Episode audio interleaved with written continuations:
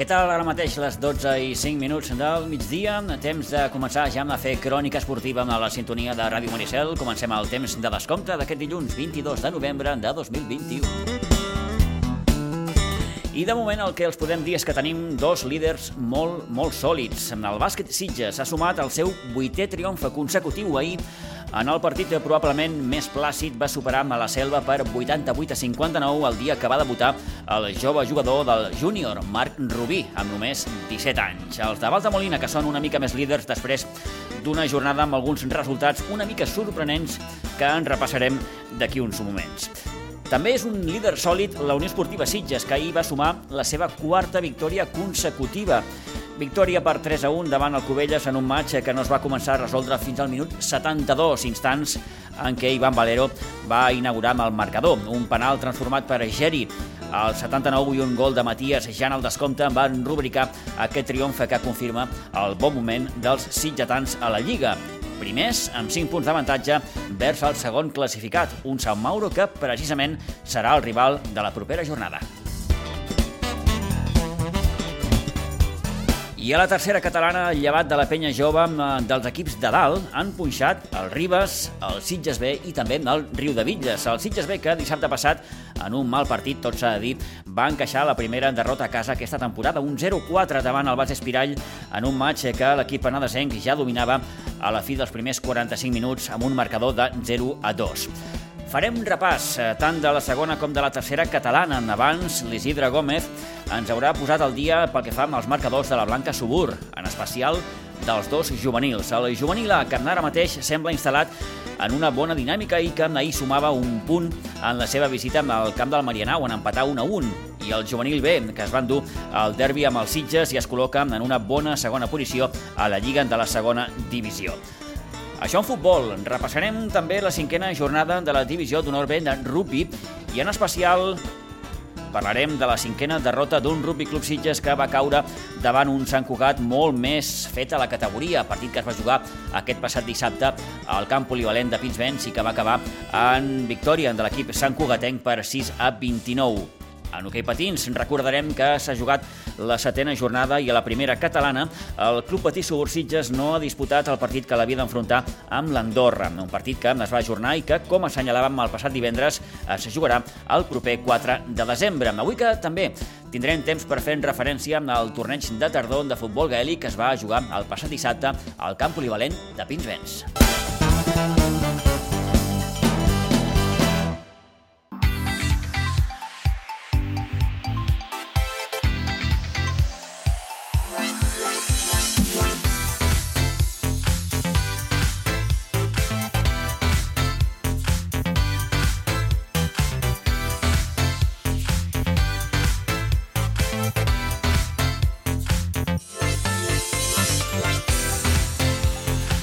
I 8, gairebé 12 i 9 minuts del migdia. Segueix la bona dinàmica del juvenil A de la Blanca Subur, que ahir a la tarda va poder sumar un punt de la seva visita al camp del Marianau, els de Raül Aroca, que van empatar 1 a 1 gràcies a un gol de Sol Aguado al minut 69, que va permetre igualar amb el gol després que el Marianau s'avancés al marcador al minut 53. Aquest empat fa pujar una mica més a la Blanca a la classificació ara mateix i després d'aquestes 9 jornades és quart per la cua eh, amb 8 punts. També bon resultat del juvenil B de segona divisió, que es va imposar en 2-0 al juvenil B de la Unió Esportiva Sitges en el derbi que es va jugar amb el Nou Pinsbens ahir a la tarda i que el col·loca segona a la classificació a dos punts del liderat. Com ha anat la jornada en línies generals pel que fa als equips de la Blanca, llevat, com dèiem, d'aquests dos bons resultats eh, dels juvenils, doncs ens ho comenta l'Isidre Gómez. Isidre, molt bon dia. Hola, molt bon dia. Doncs bé, hem començat per aquí, per aquestes dues bones notícies. Eh, empat del juvenil A, victòria del juvenil B, bé per començar. Ahir, déu nhi també el resto dels equips. Uh -huh. I segui, seguim amb aquesta tònica de mantenir forces victòries cada, cada jornada, o sigui que aviam si arribem així fins al final de, de temporada. Eh, com, com dèiem, Isidre, bon punt el que va sumar el juvenil A al camp del Marianau, sí que es va poder avançar el conjunt de Sant Boi, però al final aquest gol de la Blanca que permetia com a mínim tornar cap aquí amb aquest punt. Són set punts eh, de nou possibles en les últimes tres jornades, per tant, un, un bon balanç si, si, si mirem una mica enrere, oi? i ara hem de consolidar-ho a casa amb els partits que tenim i aviam si la cosa ja es normalitza i ens posem ja amb... Bueno, cuidado, amb 8 punts eh, estem a tiro de, de poquets punts i estem ja cap a la part alta, eh? o sigui que està tot molt, molt, molt, molt lluny aquí en aquesta categoria. Sí, aquest puntet eh, combinat amb la resta de marcadors ha permès a la Blanca pujar un lloc més a la classificació, ja no és tercer per la cua, ara és quart per la cua, amb aquests 8 punts. Com deies, es tracta de consolidar amb aquests bons resultats. D'entrada, si no em falla la memòria, crec que aquest diumenge visita el Nou Pinsbens al QE. Mm, és allò que sobre el paper mm, és un bon moment perquè la Blanca pugui engreixar una miqueta més els punts que té eh, a, la, a la classificació. I com dèiem, Isidre, també bon resultat del juvenil B, 2-0, es va imposar amb el, el, el Sitges en el derbi d'ahir al Nou Pinsbens. Sí, el Dani Pujol està fent una bona feina amb aquests nanos i treballant, treballant i estan, estan allà dalt. O sigui que són joves, però allà dalt estan. No és cap bestiesa, per, per tant, pensar que, que aquest juvenil B podria estar en la primera divisió l'any que ve. Seria lo interessant, si, si podem mantenir el juvenil preferent i el segon equip a primera, que llavors el salt no és tan, tan di difícil, tan diferent, seria perfecte per poder mantenir sempre el, el juvenil a preferent. Uh -huh. Aquesta categoria que hi ha d'impàs pel mig Eh, és necessari tenir-la. Està jugar, jugar al, al B, que jugués a primera divisió seria, seria fantàstic. Seria l'ideal, com, com dius. Eh, bé, ara mateix el juvenil B d'en Dani Pujol és segon a la classificació, està a només dos punts del, del líder, que és el Riu de Villes, per tant, eh, bones prestacions i bones sensacions, eh, si cal afegir-ho, el que està fent el juvenil B aquesta temporada. Ben començat per aquí, la resta, com deies Isidre, força, bueno, força bé. El següent és una derrota del cadet A a Castelldefels per 3 a 2. Ara, ara seguim amb unes quantes victòries. Victòria del cadet B 0-5 al camp del Vilanova i Geltrú. Victòria de l'infantil A Pinsbens contra la Fundació Atlètic Vilafranca 2 a 0. També victòria de l'infantil B 1 a 5 al camp del Bassi Vilanova 2015. Victòria de l'infantil C a Pinsbens contra el Gelida 13 a 0, un empat de l'Alivia 3 a 3 a Pinsbens contra la Fundació Unió Esportiva Cornellà, un partit molt igualat. Victòria, derrota, en aquest cas, perdó, de l'Aleví B al camp del Prat a EP 2 a 0, victòria de l'Alevin C a 0-3 al camp de la Penya Jove de les Roquetes, derrota de l'Alevin D a Pinsbens 3 a 5 contra el Gelida, el Benjamí ens descansava aquesta setmana i ara tres victòries dels petitets. El, el Benjamí B va imposar-se al Sitge C 4 a 3. El Benjamí C es va imposar 2 a 13 al camp del Vilanova i la Geltrú i finalment el D es va imposar 4 a 1 a Pinsbens contra el Ribes C. Fent aquells resums que ens agraden, 9 victòries, 2 empats, 3 derrotes, o sigui que això és una nota notable alt. Una nota bastant, bastant alta eh, pel que fa als equips de la Blanca al llarg d'aquest eh, cap de setmana. Ens ha informat, com sempre, puntualment l'Isidre Gómez. Isidre, moltíssimes gràcies. Que vagi molt bé, bona setmana. Divendres tocarà, com sempre, fer prèvia. Gràcies. Adéu-siau. Adéu.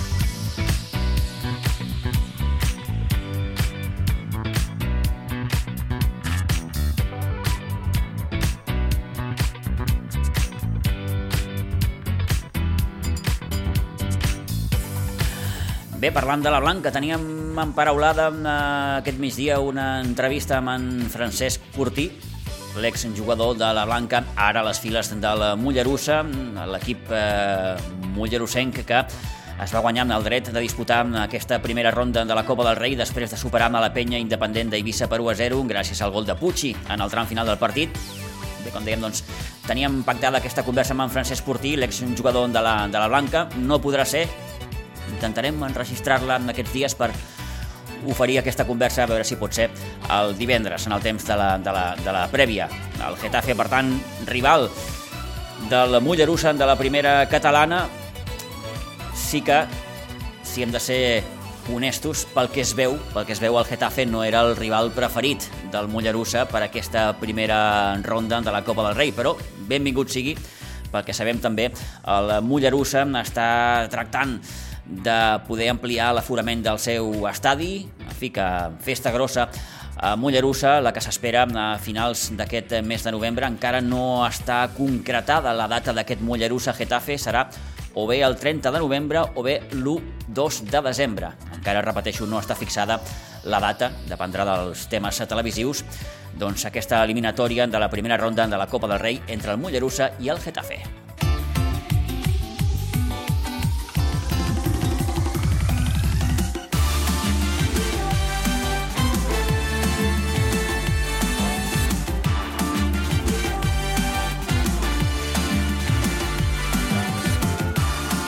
Un quart i pràcticament un minut d'una del migdia. Toca fer en repàs i crònica de com ha anat la jornada futbolística tant a segona com a tercera catalana.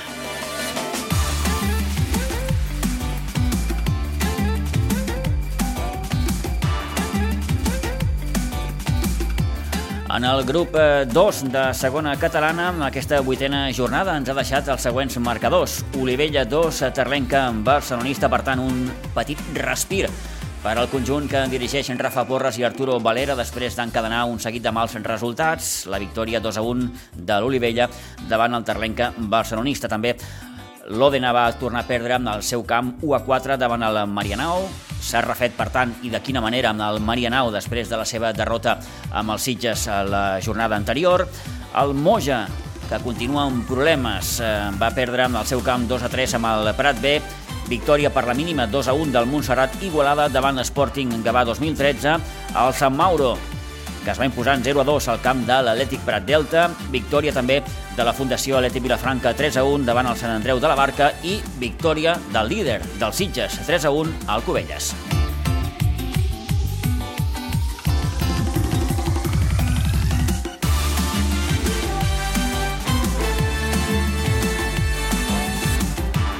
Per tant, la Unió Esportiva Sitges que confirma en el seu bon moment i que certifica amb aquest liderat després d'aquestes eh, vuit primeres jornades. El conjunt de l'Uri Sorroche, líder, com dèiem, d'aquest eh, grup 2 de segona catalana, ara mateix suma 21 punts i comença a enxamplar una miqueta les diferències, ja que hores d'ara el segon classificat, que és el Sant Mauro, per cert, proper rival dels sitgetans el diumenge, té 16 punts, per tant hi ha aquest coixí de 5 punts entre el líder i el segon classificat. A la tercera posició hi trobem a la Marianau amb 15 punts, 14 per al Terlenca, 13 per al Prat B, 11 per al Montserrat Igualada, 10 punts sumen a l'Sporting Gavà, Atlètic Prat Delta, Fundació Atlètic Vilafranca i el Sant Andreu de la Barca, l'Olivella és 11 ara mateix, té 8 punts, els mateixos que el Cubelles, i tanquen la classificació amb 7 punts el Moja, amb 3, penúltim el Sant Quirze i l'Odena Cué amb 2.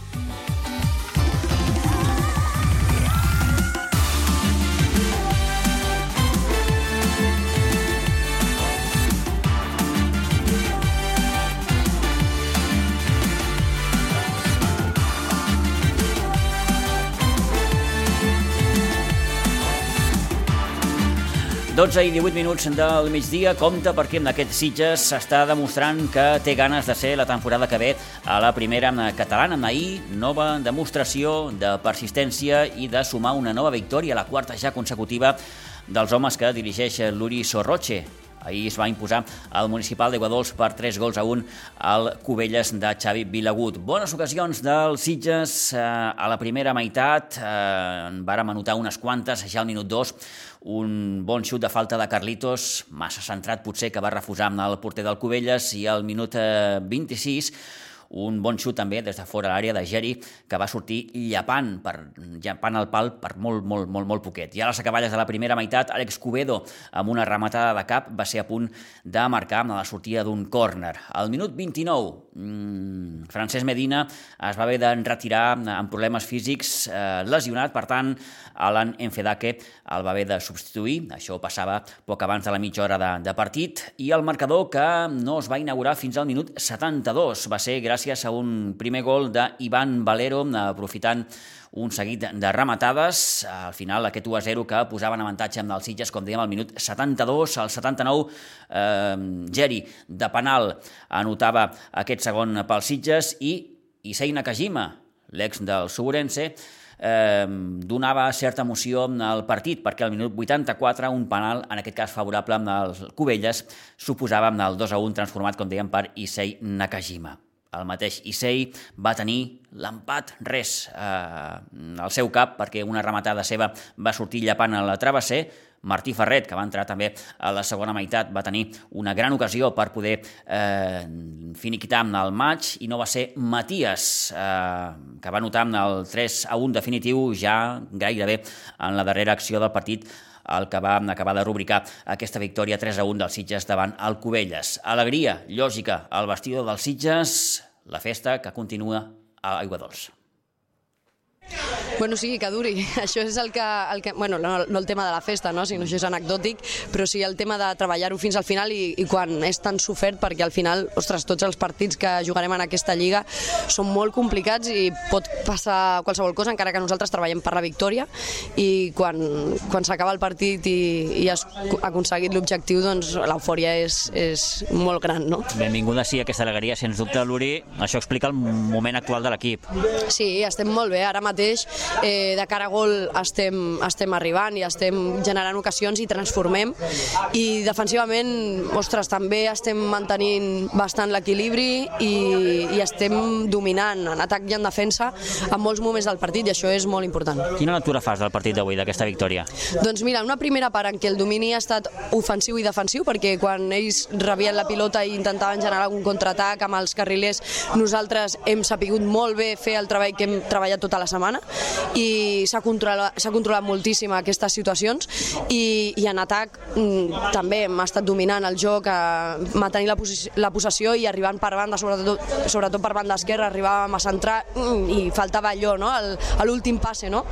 Eh, I la segona part doncs, ja hem estat, el, els dos equips estaven molt més separats potser i això generava més espais i, i ens ha donat per, per poder transformar el que tant veníem buscant amb gols. Eh, sí que és cert que el 2 a 1 eh, a ells els, els dona un, una força de nou per, per entrar al partit i de nou aquests dubtes, no? de dir, bueno, ai, ai, ai, però al final el tercer gol que, que, que ha fet justícia, vaja. Bueno, nosaltres dubtes no, no en tenim, és a dir, nosaltres seguim confiant, és obvi que quan hi ha un penal, perquè s'ha decidit que, que és penal, doncs és penal i ja està, no, no, hi, ha, no hi ha més a discutir i, i la, la, la qüestió és intentar seguir fent el joc que estàvem fent, no, no inventar res absolutament nou perquè, perquè ja ens servia el que fèiem, no? per tant seguir amb la mateixa dinàmica i així encara hem aconseguit transformar un altre gol no? i aconseguir l'1 a 3. Eh, quarta victòria consecutiva, si no m'equivoco. Sí, ostres, que l'última vegada no va ser i, i ara ho hem aconseguit i bueno, ens queda un partit més eh, abans del descans i, i anirem a Sant Mauro, fora de casa, partit complicat i... Sant Mauro sempre és plaça complicada. Sempre és complicat i intentarem doncs, treure el màxim rendiment de l'equip. Esteu ara en el millor moment des que va començar la temporada? Jo penso que... O esperes que el millor moment encara d'arribar? Mm, bueno, penso que estem en una tendència positiva, no? que, que tots estan sent protagonistes en el seu moment, quan, quan els hi toca jugar i, i, i tots ho estan fent bé. Per tant, eh, penso que, que tots estem en una bona tendència, una bona dinàmica i tant de bo doncs, això no, no s'aturi. Molt bé, Luri, gràcies i enhorabona. Eh? A tu, merci.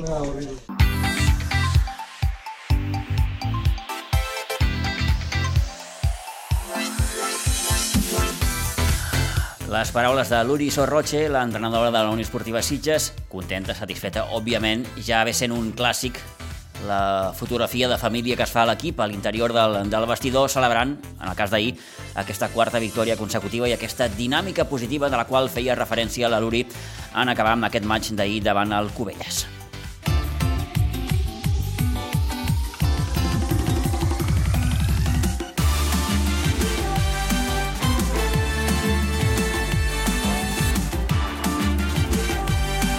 I per ser un altre partit exigent el que tindrà la Unió Esportiva Sitges aquest diumenge a partir de les 5 de la tarda a l'estadi municipal de Santa Margarida de Montbui perquè jugarà ni més ni menys que el camp del Sant Mauro, que és, com dèiem ara també fa uns momentets, segona a la classificació. Ha aquests 5 punts de diferència entre líder i segon.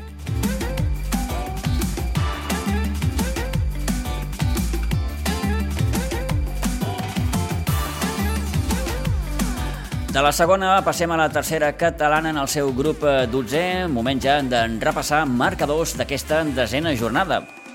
Llevat de la penya jove, que es van dur la victòria de les cabanyes, eh, alguns dels equips de dalt, com el Sitges B, com el Basis Pirall, perdó, com el Riu de Villes o com el Ribes han punxat en aquesta desena jornada. Els marcadors han, han quedat de la següent manera. Les Cabanyes 4, Penya Jove 5, el Sitges B, que va perdre de forma clara per tant, primera derrota a casa aquesta temporada per als homes de Toni Salido, 0-4, com dèiem, amb el base Espirall aquest passat dissabte a Iguadols. Eh, va guanyar el Vilanova del Camí 3-2 al Riu de Villes, empat a 2 entre el Torrellenc i l'Ateneu Igualadí, el Piera, que es va endur la victòria en el seu camp 2 a 1 davant la Noia, va tornar a perdre el Ribes. Un Ribes que no passa ara mateix pel seu millor moment, 2 a 1 al camp de la Granada. Va guanyar, en canvi, la Pobla de Claramunt 4 a 1 al Masquefa i també va guanyar l'Atlètic Vilanova 2 0 a la Monia.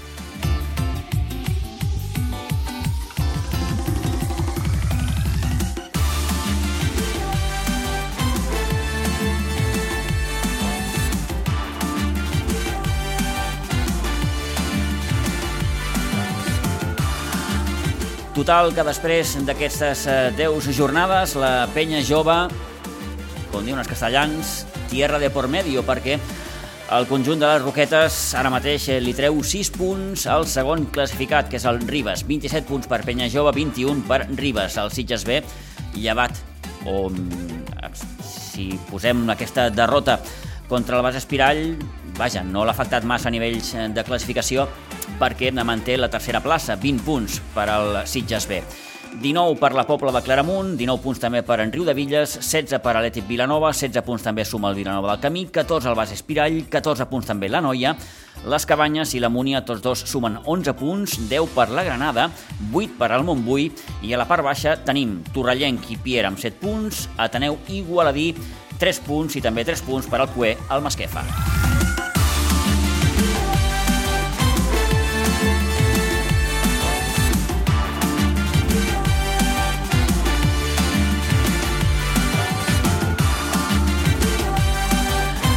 Bé, ens ajudarà una mica a fer crònica d'aquesta desena jornada a la tercera catalana Antoni Muñoz, que avui el tenim al telèfon. Toni, bon dia, bona hora.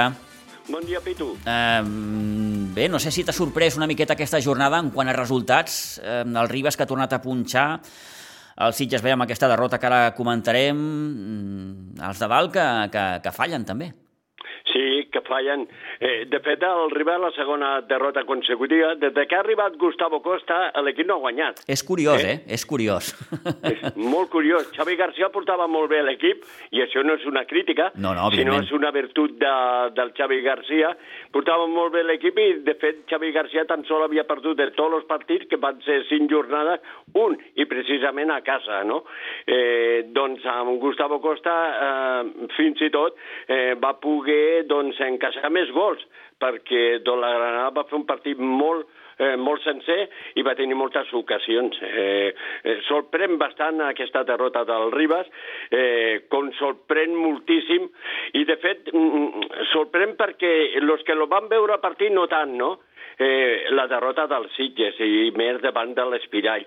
Però que jo, jo penso que eh, Pitu va marcar bastant eh, aquesta derrota els dos gols que encaixava tan aviat, no? perquè de fet el Sitges havia tingut un parell d'ocasions claríssimes per posar-se per davant al marcador, però al minut 20, 21, en un xut des de fora, doncs Isaac Arbó feia el 0-1, eh, eh, marcava bastant. Aquí no va estar afortunat eh, el porter, les coses clares, és una persona que jo estimo molt, però que eh, en aquest cas doncs, no va estar afortunat, com tampoc va estar afortunat al minut 28 amb el xut de l'Eix que li passava per sota del cos de, de, del, del, el Javi Dorado. Persona, sí, del Javi Dorado, una persona mm. que, que, que jo aprecio molt. Era el 0-2, eh, t'anaves a descans amb aquest 0-2. Eh, com és habitual, eh, Toni Salido fa canvis. Eh, potser faltava un parell de titulars en aquest 11. Eh, també eh, tenim que, que entendre que, per exemple, eh, doncs el Xavi Garcia doncs, eh, Uh, estava lesionat, eh, perquè després vaig estar jo parlant amb ell, em va dir que estava tocat, eh, el Rafa, perdó, el sí, Rafa Garcia, Rafa Garcia sí. eh, eh, estava, estava tocat, va fer un parell de canvis que doncs, no són habituals, que, que, que juguen des d'un inici amb els Sitges, però que no van sortir, i això també potser va passar una miqueta.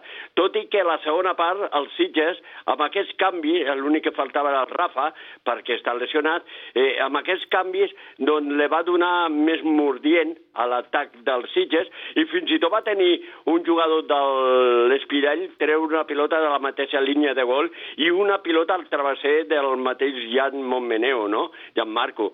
Eh, el Sitges estava atacant molt bé, no? Estava, estava portant el pes ja a la segona part. Era molt difícil perquè era un 0-2, però clar, és que el primer xut que ells s'engalcen des de fora, pràcticament des de fora l'àrea, la claven, no fan el 0-3 i aquí s'acaba el partit. Eh, Roger Sant al 82 fa el 0-4.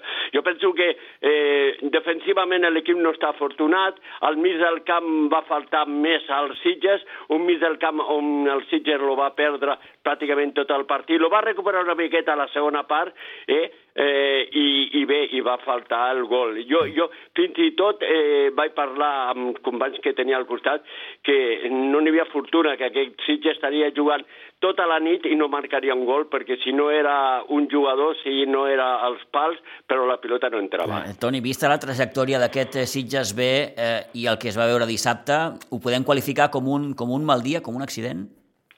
Sí, però ja són dos accidents, eh? I a casa.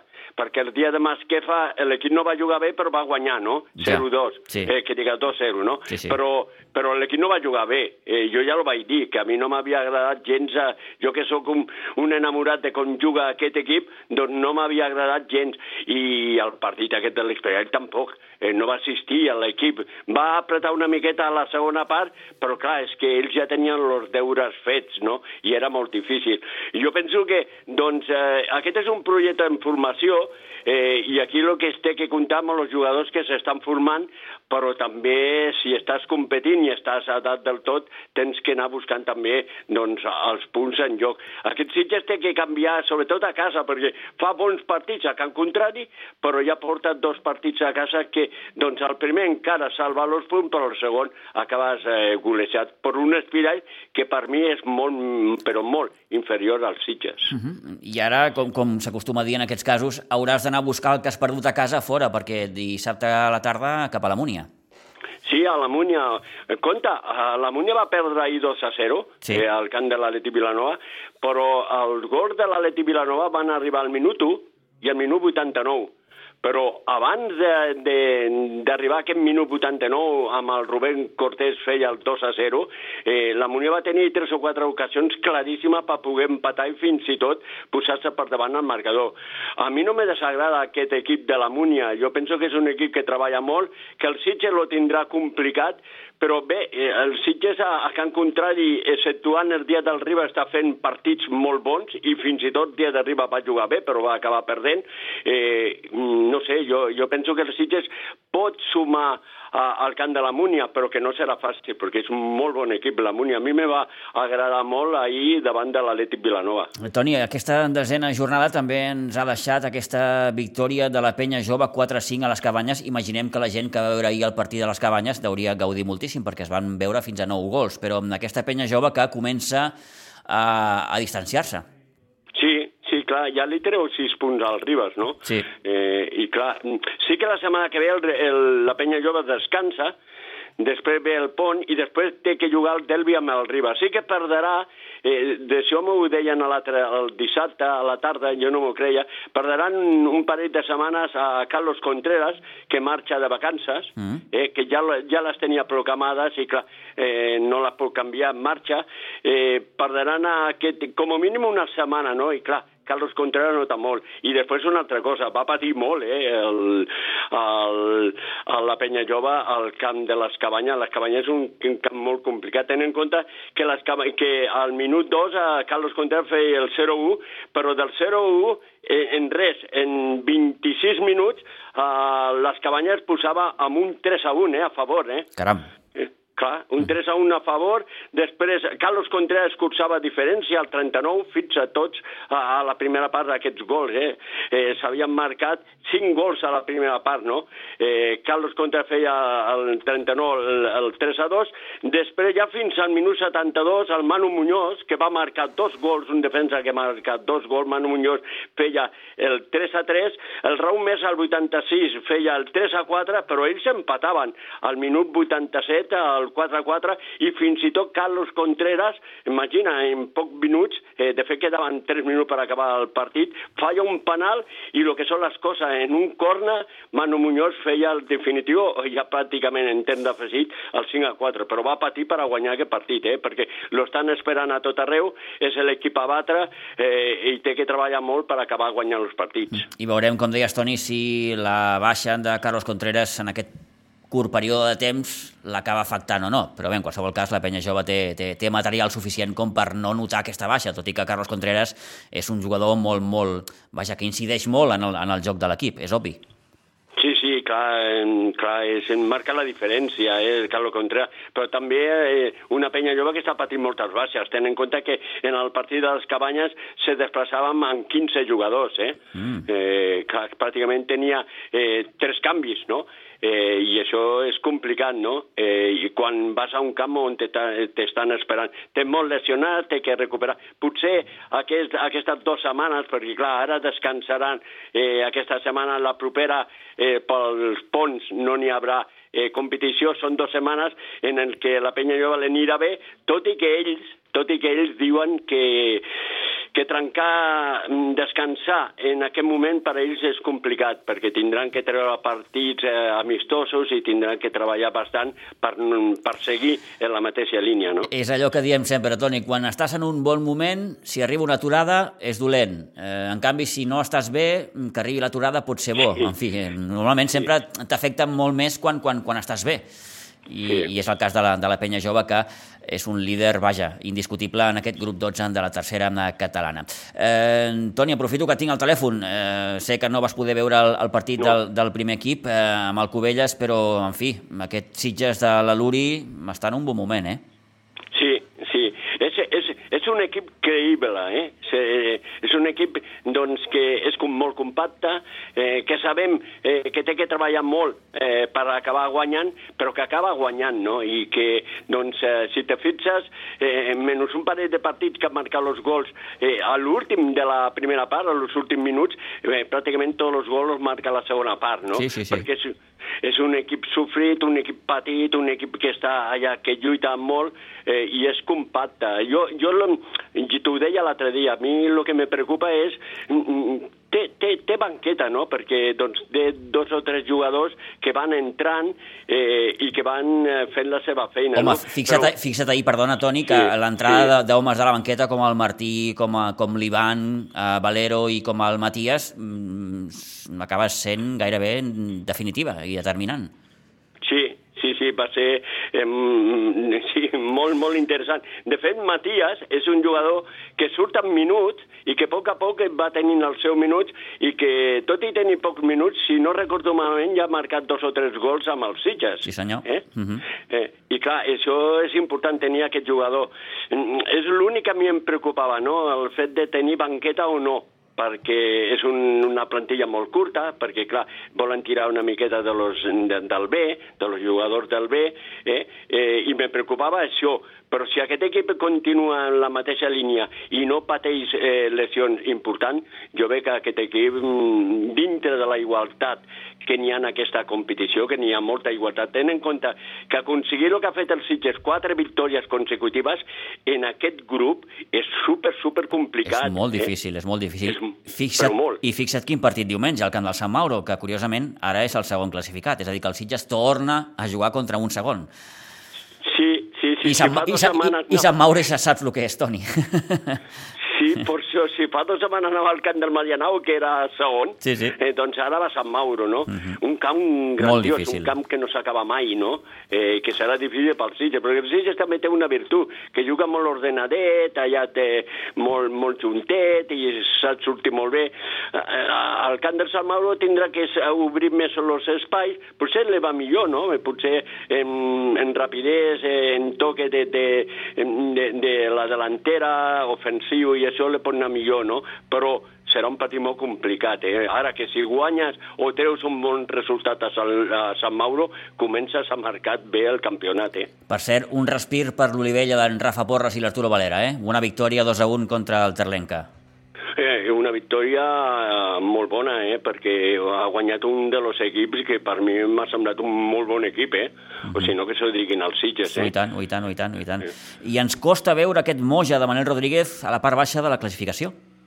Sí, sí, patirà, mm. patirà Manel perquè, clar, no coneixia pràcticament l'equip, tot i que ha fet una temporada molt llarga, eh, no sé, patirà, patirà. Mm, Confiança, si li donen confiança, jo crec que, que Manel treurà aquest equip endavant, però, clar, eh, és un, en aquesta competició que tothom eh, vol guanyar, eh, i dos partits no lo guanya ningú, tan sol els Sitges, consecutius parlo, eh, és difícil i clar, tot això està pagant una miqueta el Manel. I acabo, Toni, veurem quin és a partir d'ara el paper d'aquest Cubelles, eh, que ahir, vaja, no diria que, que, que fes un mal partit, tot el contrari, però que eh, probablement li falta una miqueta de, de, de, de, de, de presència ofensiva. No sé si ahir la lesió del, del, del Francesc Medina al minut 29 mm, va afectar. Jo penso que sí, no? però en qualsevol cas veurem, repeteixo, quin, quin és el paper d'aquest Cubelles del Xavi Vilagut a partir d'ara. Xavi Balaguer deia ahir a la nit que, que l'equip té que millorar mm. eh, en l'aspecte ofensiu, Sí. perquè sí, és conscient de que sí, que en vam parlar l'altre dia aquí, a Rayo Manicel, pujant dos equips, però clar, eh, a veure si arriba tard, no? Té que millorar molt l'aspecte ofensiu, té que anar guanyant tots els partits. Ara té un equip assequible, com és el cap de l'Òdena, eh, aquí lo, lo té que guanyar bé. No pot perdre aquesta oportunitat, perquè si no, doncs eh, ja seria molt difícil aconseguir l'objectiu, perquè clar, l'objectiu del Cubelles eh, n- no poden dir que no és pujar. Ells han fet un equip per intentar pujar, perquè de fet és un equip que porta molt de temps jugant junts, eh? i això és una virtut a favor. Sí, i sens dubte, mm, com, com deia abans en el cas del Moja, no? ens costa veure aquest Cubelles eh, tan, tan, tan a baixa la classificació. Però bé, Sí. eh, això explica, i, i ens repetim gairebé com, com la Llioli, eh, que, que, que aquesta segona catalana és molt, molt, molt difícil, molt complicada i molt igualada. Sí, és molt difícil, és molt difícil, molt igualada. Per això el que està fent els Sitges és eh, sobrenatural, eh, perquè eh, tenen en compte que guanyar quatre partits consecutius eh, en aquest grup no crec que n'hi hagi un altre equip que lo pugui aconseguir. Mm -hmm. Doncs que duri aquest bon moment de la Unió Esportiva Sitges, que com dèiem diumenge visita el sempre difícil camp del, del Sant Mauro, a Santa Margarida de, de Montbui. Toni, moltíssimes gràcies per ajudar-nos a fer crònica d'aquesta jornada futbolística. Que vagi molt bé. Molt bé, Jordi. Eh, Pitu. Gràcies, eh, Adéu-siau. Adéu. Vale, adéu.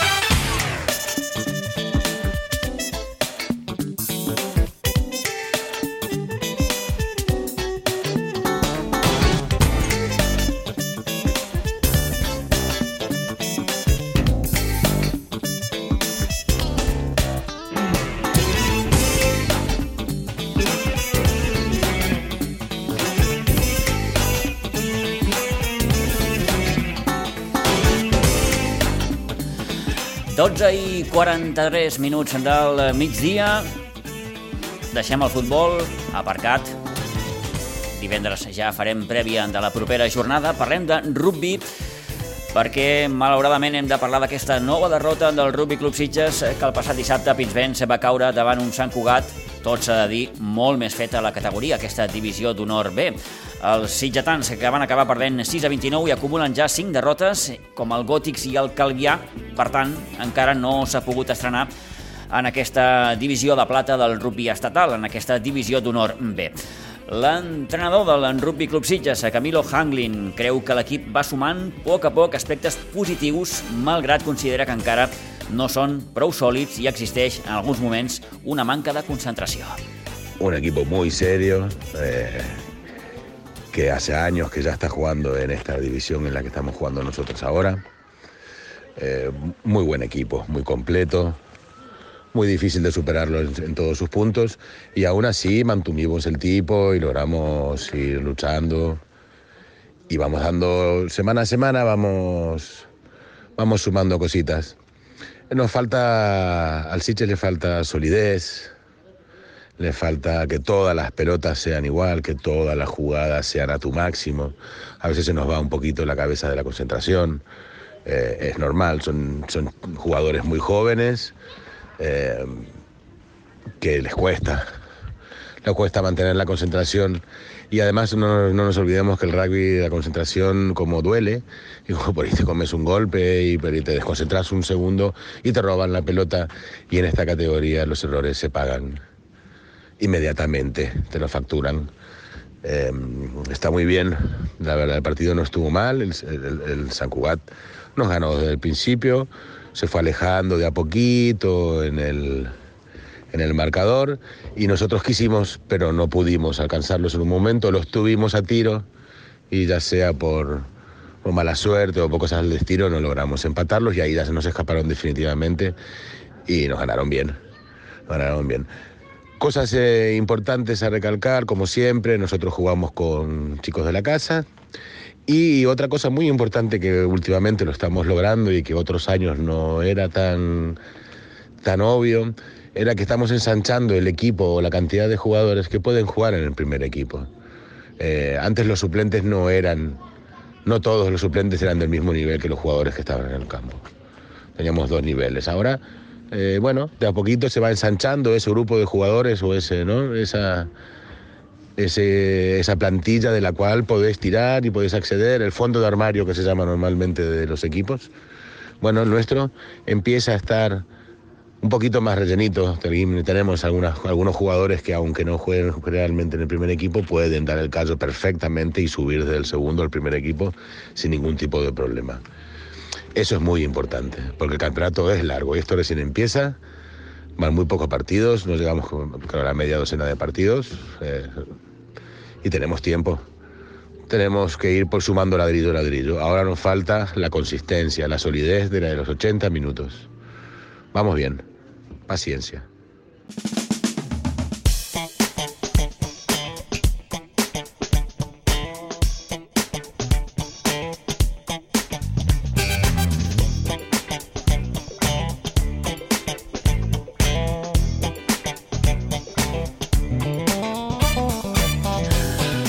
Com apunta Camilo Hanglin, paciència, els bons resultats algun dia arribaran.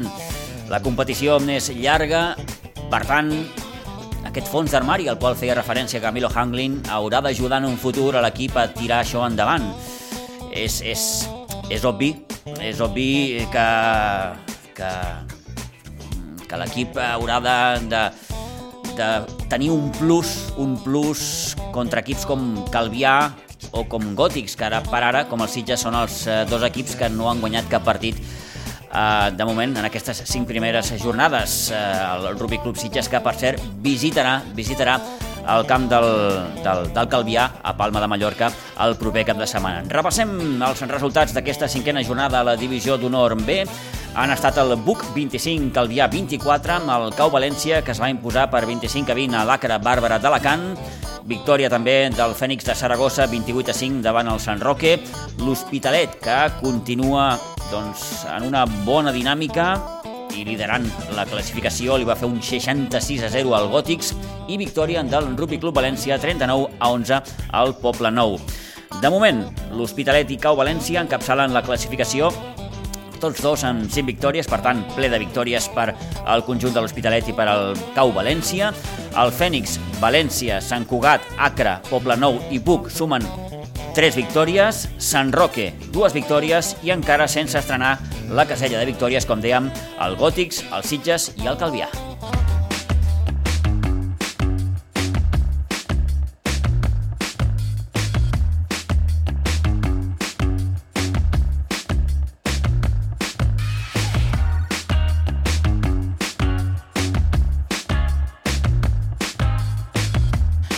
Afegim també un apunt de futbol gaèlic perquè en el passat dissabte el camp polivalent de Pinsbens va acollir el torneig de tardor de futbol gaèlic. L'equip de València va ser finalment el campió aconseguint guanyar amb els tres partits que va disputar. Bon paper també del Sitges Futbol Gaèlic que va superar amb el Gaèlicos Sol per 9 a 4 i que va caure davant el combinat Bilbao-Saragossa per un ajustat 13 a 10 va patir una derrota més, més clara amb el campió, amb el València, per 18 a 5, però, repetim, bon paper el del Sitges Futbol Gaèlic amb aquesta victòria davant el Gaèlicos do Gran Sol. En categoria femenina, el València també es va endur el títol, malgrat que cal destacar el meritori segon lloc que va aconseguir la selecció de Ladies amb tres jugadores sitgetanes a les seves files.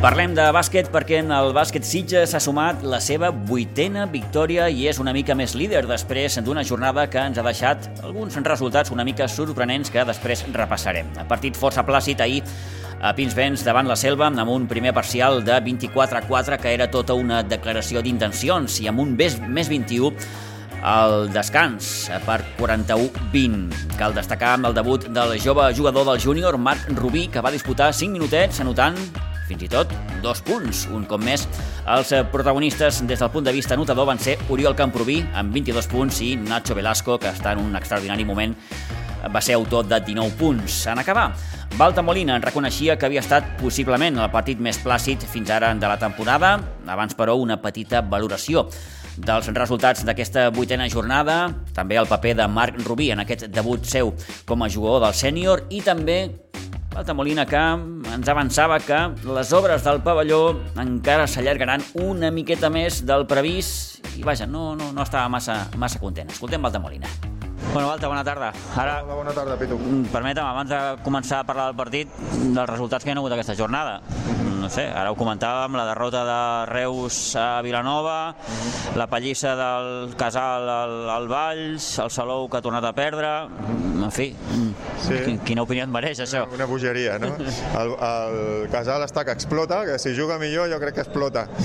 Ja la setmana passada li va donar una lliçó, una lliçó a Viladecans i clar, bueno, la Lliga Igualada que suposa tots els equips poden guanyar qualsevol Salou és una miqueta una incògnita sí que és veritat que no acabo d'explicar-me aquesta trajectòria no? que de vegades ha fet molts bons resultats um, i, i ho ha combinat amb, amb, amb partits perduts però en general mm, no hi ha gaires sorpreses en el sentit de que és una lliga molt igualada qualsevol equip pot tenir un dia molt encertat, per exemple, Casal porta dos, di dos jornades molt, molt, molt encertats sense jugar amb el Ruiz, amb el que nosaltres aguantem sense perdre, però que en qualsevol moment pot venir un equip i guanyar-nos, tot i jugar bé o tot esforçar-nos.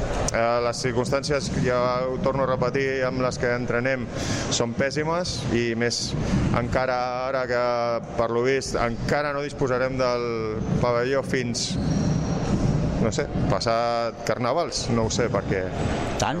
Sí, sí, segon tinc entès, el contracte del parquet, tot i que les obres exteriors i d'impermeabilització ja han finalitzat, el contracte del parquet es va signar la setmana passada, divendres de la setmana passada, amb la qual amb els problemes de distribució i bueno, la lògica de qualsevol empresa, doncs eh, és evident que això no començarà fins passat Nadal, suposo, amb el que no entenc, eh, no entenc com aquesta manca de planificació en un departament o en un ajuntament que hauria d'estar tot planificat quan tu contractes una obra.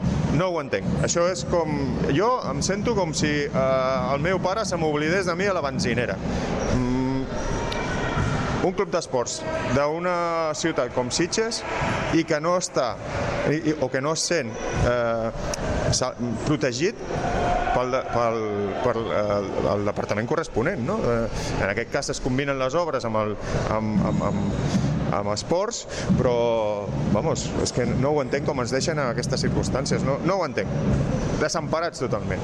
I ara, doncs bueno, eh, a veure si a sobre el parc nadalenc es fa a dalt, per no ens, evitar de deixar dels entrenaments al Nadal aquí a la pista de hockey, doncs les obres no començaran fins al gener. Una, unes obres que haurien d'haver començat al juliol. Tot això eh, vinc a dir que les circumstàncies amb, amb les que entrenem no són les òptimes, ni molt menys, molt de lluny, per arribar a, a partits complicats, com arribarem a partits complicats, amb una base d'entrenament decent i per això pateixo. Permetem la broma, eh? El dia que pugueu entrenar en condicions no hi haurà qui us pari. Nos explotamos, com el casal. espero, espero que sigui, que sigui d'aquí poc temps, perquè, com ja he comentat altres vegades, sí. hem perdut el tacte del contraatac, l'hem perdut i és una cosa que nosaltres ho treballàvem molt bé. Mm, tu ja vas veure partits de l'any passat, sí. era un joc ràpid, arribar ràpid al, al camp contrari, jugar amb transicions, tot això no ho podem entrenar. La pista lateral de la pista de hockey, pràcticament la línia de 3 es toca amb el cercle de mig camp, amb el que les transicions oblida tant, i això ho notarem, ho notarem. Quan juguem la setmana que ve contra el Vendrell, un equip intens, complet, mm, ho notarem i patirem. Avui, per sort, ens hem trobat amb una selva que no ha estat encertada, eh, nosaltres ens hem relaxat en certa part com és natural, distribuint minuts, jugant gent una notícia molt agradable, no? el Marc Rubí ha debutat avui amb el sènior i ho ha fet molt bé però arribaran equips que ens ho posaran molt, molt, molt difícil, no les fallaran i ens complicaran la vida.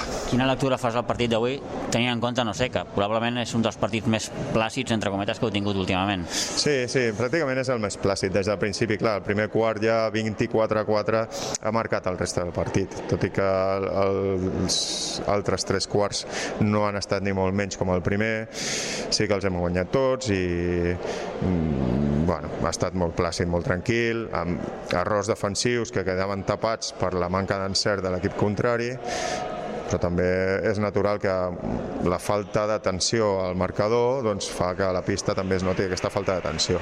Precisament un, un partit així et permet, com deies, una rotació més llarga i fins, fins al punt de, de, de, de que un jove de la casa, el Marc Rubí, amb 17 anys, pues, hagi pogut debutar. Sí, sí, molt, molt content d'això. Jo el Marc ja el vaig entrenar quan estava a l'infantil i estic molt content de que hagi debutat tan, ha fet dos puntets, s'ha atrevit fins i tot a llançar de tres, bé. Sí, sí, eh, aquest és el plantejament. Eh, ja he parlat amb ell dient-li precisament això, que si ho feia malament no passava res, perquè és... El... És fàcil, no?, per un, per un jove així sortir al primer equip, els nervis... Sí, sí, clar, és complicat, i més el Marc. El Marc ho viu molt bé, el bàsquet, i molt intensament, entrena molt. Eh, jo, per mi, serà un jugador important en el futur, encara li falta un, un munt, encara li falta, però Avui ho fet molt bé. Mm, he intentat treure aquests nervis, no?, que són naturals i que ell, a més, amb la pressió que ell mateix es, es fa es fica a sobre, doncs... Però, però bueno, l'he vist bastant, bastant Mm, còmode al camp i aquests dos puntets segur que, que se'ls recordarà tota la vida. Bueno, 8-0. 8-0, que duri. A veure si podem fer 9-0.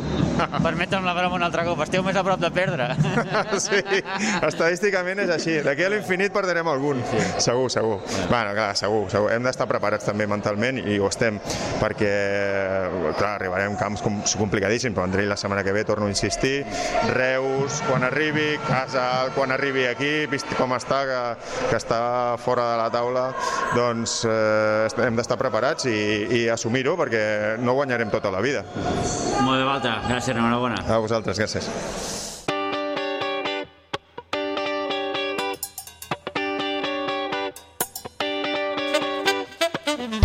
Eh, doncs, Valta Molina, crític com ho ha estat sempre amb la qüestió del pavelló i aquestes obres que sembla s'allargaran una miqueta més, però content per la victòria per aquest 88 a 59 i pel debut del jove Marc Rubí. Enhorabona al, al Marc i que la seva presència no sigui efímera, sinó que pugui continuar gaudint de la, de la confiança de, de Balta Molina. Eh, aquesta vuitena victòria que deixa el bàsquet Sitges més líder encara, li treu ja tres victòries al Reus Deportiu, Eh, destaquem de la jornada també la victòria del sènior B, 44-47 a la pista del Coll Blanc i també molt bona victòria la que va aconseguir el sènior femení, que ahir a Pinsbens es va imposar 74-58 al bàsquet Molins. I en hoquei patins hi ha hagut eh, jornada, però el Club Patí Subursitges no ha jugat. No ha jugat perquè el partit Andorra va ser ajornat en el seu dia, perquè l'Andorra eh, tenia bona part del seu planter disputant l'europeu d'hoquei.